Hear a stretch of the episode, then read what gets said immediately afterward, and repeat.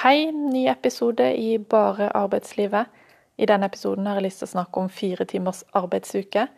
Mitt navn er Hege Helvik, og jeg er veldig engasjert i arbeidslivet. Plutselig så er det desember, og kanskje den travleste måneden i året. Og jeg tror desember 2020 kanskje også er den viktigste desember noen gang hvor vi da skal vise år 2020 at vi virkelig kan kose oss og gi litt fingeren til alt det som har skjedd. Jeg hadde en ambisjon om å få til mye denne høsten, bl.a. å ha med noen gjester eh, i denne podkasten. Men gjett hva som skjedde? Jo, det har fire bokstaver jobb. Og det er ikke det verste som kan skje. Eh, jeg har hatt Eh, en krevende, men også veldig spennende høst eh, med mange oppgaver eh, som jeg har tenkt på både dag og natt. Og når jeg da ender opp med å få fine gjennombrudd og oppnå gode resultater, så er det jo ganske givende og gøy. Så jeg skal jo egentlig ikke klage, og egentlig skal jeg bare forholde meg til at arbeidslivet er sånn som det er. Og egentlig bare holde kjeft.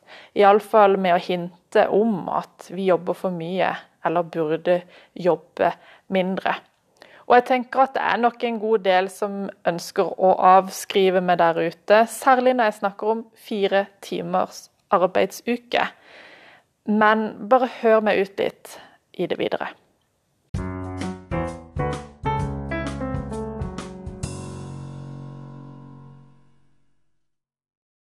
Jeg tror det viktigste argumentet er at hvis vi alle jobber litt mindre enn vi gjør i dag, så vil det også bli plass til flere i arbeidslivet. Og jeg tror kanskje det er særlig viktig i dag, hvor vi plutselig har mange flere permitterte og oppsagte. I fjor på denne tida så var det rundt 60 000 arbeidsledige i Norge. Nå er vi nesten 200 000. Så det er en enorm økning pga. denne koronasituasjonen vi er i. Men jeg tenker også på de som ikke makter å stå 37,5 timer i uka, og som også har varierende helse fra uke til uke.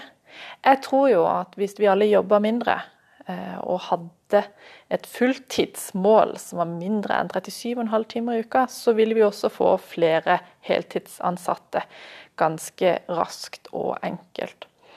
Og hvis du er helt ærlig, jobber du faktisk 37,5 timer i uka? Jeg er litt usikker på det. Og jeg har jo tidligere snakka om dette her med bullshit jobs. Mange går jo på jobb der ute uten å egentlig bidra med en dritt. David Grieber, som skrev om bullshit jobs, mener at hvis vi tok bort all dritten så sitter vi igjen med fire timer hver. Altså en arbeidsuke på fire timer hver. Men han er ikke den eneste, skjønner du. For Christian Vennerød hadde en bok i 1981 som het 'Arbeid mindre, lev mer'. Altså, den er 40 år gammel, denne boka, men han skriver om så mye dagsaktuelt. Om både borgerlønn og det å jobbe mindre, og han satt og regna på det. Og han regnet da med inntekten til velferdsstaten og hva hver og enkelt av oss hadde for behov da, i kroner og ører for å kunne bo og spise. spise. Og han endte med to timer per uke. Og så justerte han det litt, for to timer per uke er jo ganske lite, så han endte med fire timers uka og konkluderte med det, og mente da vil vi kunne dekke de basisbehovene vi har eh, i samfunnet, hvis vi alle jobber da fire timer i uka. Og understrekte òg at hvis du har ekstraordinære behov, vil flotte deg litt ekstra med jeg vet ikke, klær, bedre mat, ja vel, så jobber du et par timer ekstra. Det er ikke verre enn det. To forskjellige forfattere Eh, i to forskjellige tidsepoker som snakker om fire timers arbeidsuke. Det kan være en tilfeldighet. Men så fant jeg jo da den boka som har tittelen 'Fire timers arbeidsuke' av Tim Ferris. Den leste jeg da denne sommeren. Eh, og han, Tim Ferris er en slags sånn fire timers guru. Det er ganske mange ting som man kan gjøre hvis man bruker fire timer i uka å få til eh, på kort tid, er hans ambisjon. Men denne fire timers arbeidsuke var altså hans første bok i denne sjangeren. Og han viser med ganske enkle grep hvordan du kan få det til. Han sjøl har bl.a. brukt assistenter som håndterer all e-postarbeidet hans. Og i snitt så bruker vi ca. to timer hver dag på e-post. Så det å få noen andre til å gjøre den jobben for deg, vil jo naturligvis spare deg for en del arbeidstid. Og så har han òg brukt 20-80-regelen er ganske aktivt. Hvis du ser på 80% av tida di, og de kundene som tar 80% av tida di, så vil de mest sannsynlig ifølge denne regelen også bare stå for 20% av inntjeninga. Og i motsatt fall 20% av kundene dine vil stå for 80% av inntjeninga. Og Han mener jo denne regelen kan brukes på mange ting. Altså Av det du gjør hver dag, så vil du bruke 80 80% av tida di på ting som egentlig er 20 verdt.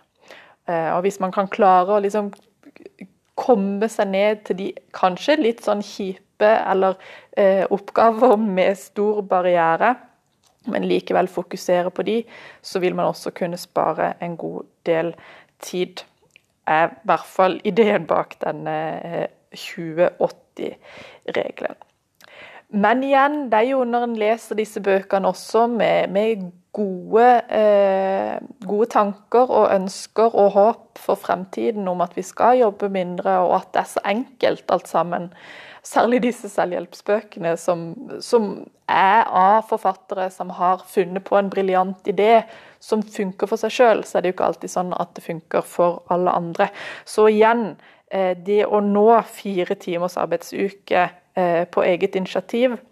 Jeg vet ikke om det er helt mulig, særlig ikke når man faktisk står i en jobb og leser en bok skrevet av en kar som driver sin egen business. Jeg leste en eh, anonym beskjed på internettet av en eller annen som nå under disse koronatider sitter kun og jobber to timer hver dag eh, og bruker resten av arbeidsdagen på å se TV. Poenget er jo ikke å jobbe mindre for å få mer tid til å se på TV eller scrolle på mobilen. Det er jo for å få tid til å gjøre og lære de tingene som du alltid har hatt lyst til. F.eks. det å lære et nytt språk, eller lære en ny sport. Eller rett og slett gjøre noe fint for noen andre, for lokalsamfunnet. Og så er det en annen ting her. Vi, vi, kan ikke bare gå og be om fire timers arbeidsuke sånn med en gang. Så det er OK for meg å begynne med en seks timers dag. Eller fem timer, eller fire timers dag. Og skal vi tro Rødger Bergman, så kunne jo faktisk USA hatt borgerlønn i dag, hvis ikke man var så grådig og ba om mer enn det man kunne få. For den republikanske presidenten Nixon han fikk faktisk flertallet med seg for å innføre en såkalt Family Assistance Plan i 1970. Men demokratene var jo ikke så fornøyd med det nivået på utbetaling av borgerlønn som det var lagt opp til, og de ville ha mer. Så det var rett og slett litt vanskelig å få gjennom denne saken, fordi folk ville ha mer enn det som lå på bordet. Dessverre, i 1978 så ble hele ideen om borgerlønn i USA eh, lagt død. Det var et eksperiment i Seattle som avdekka at langt flere ble skilte når de fikk borgerlønn. Og kunne være, det, Man kunne jo ikke tåle det i USA. Eh, selv om helsa til innbyggerne ble bedre, og man så at barna gjorde det bedre på skolen. Man kunne jo rett og slett ikke tåle at det ble flere skilsmisser, og at damene ble litt mer uavhengige. Men ti år etterpå så så man igjennom tallene en gang til, og så oppdaga man at skilsmisseraten hadde ikke blitt høyere, heller lavere. Den var upåvirka av borgerlønnsforsøket. Noen hadde gjort en ellers historisk regnestykketabbe.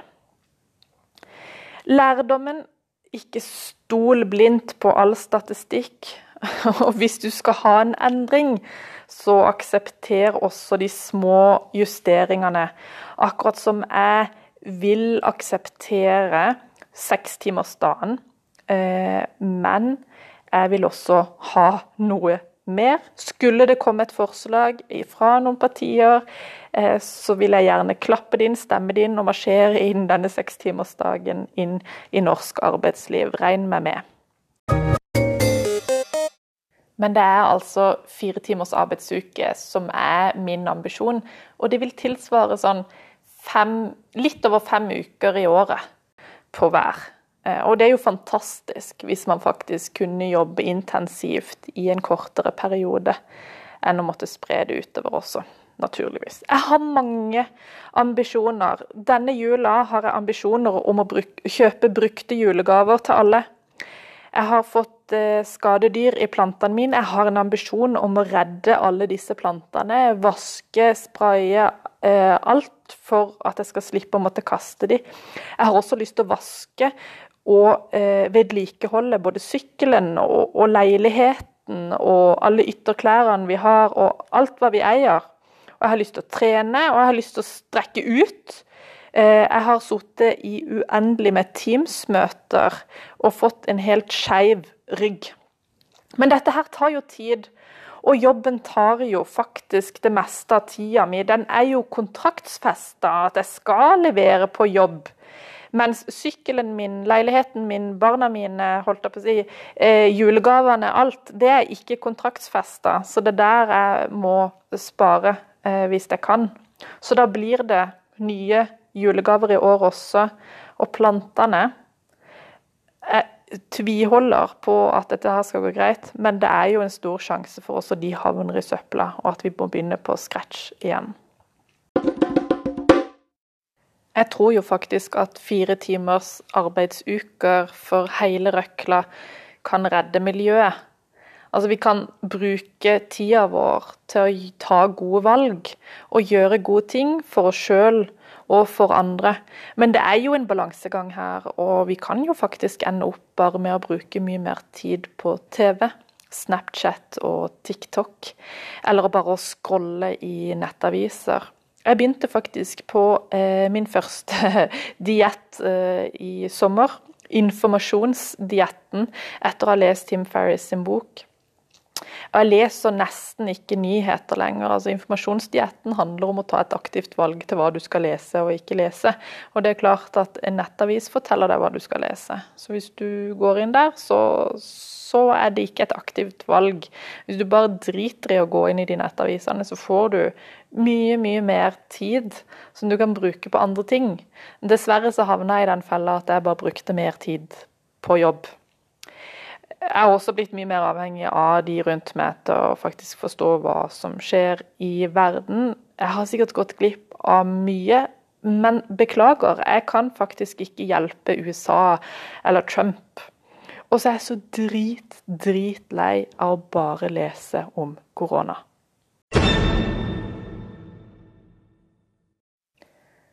Min jobb så jobber jeg en del med på en måte fremtida gjennom scenarioplanlegging, og det har jo blitt mye mer interesse rundt den metoden nå, når vi står i ganske sånn uoversiktlige tider. Eh, og det er hyggelig, og det er greit. Eh, og jeg mener jo personlig at det kanskje er scenarioplanlegginga som har gjort meg så interessert i arbeidslivet. For jeg mener at det er en så viktig nøkkel til hvordan vi løser fremtidas eh, utfordringer og problem som vi står i i dag, og som vi må ta gode valg i forhold til. Derfor så tenker jeg neste episode å si litt om også hva jeg tenker eh, kan bli fremtidens arbeidsliv. Her er det ingen to streker under et svar. Men det er en del indikasjoner som peker i retning av hvordan det kan bli. Inntil da, jeg kan ikke love om det blir neste uke eller neste måned, men inntil da, ha det fint.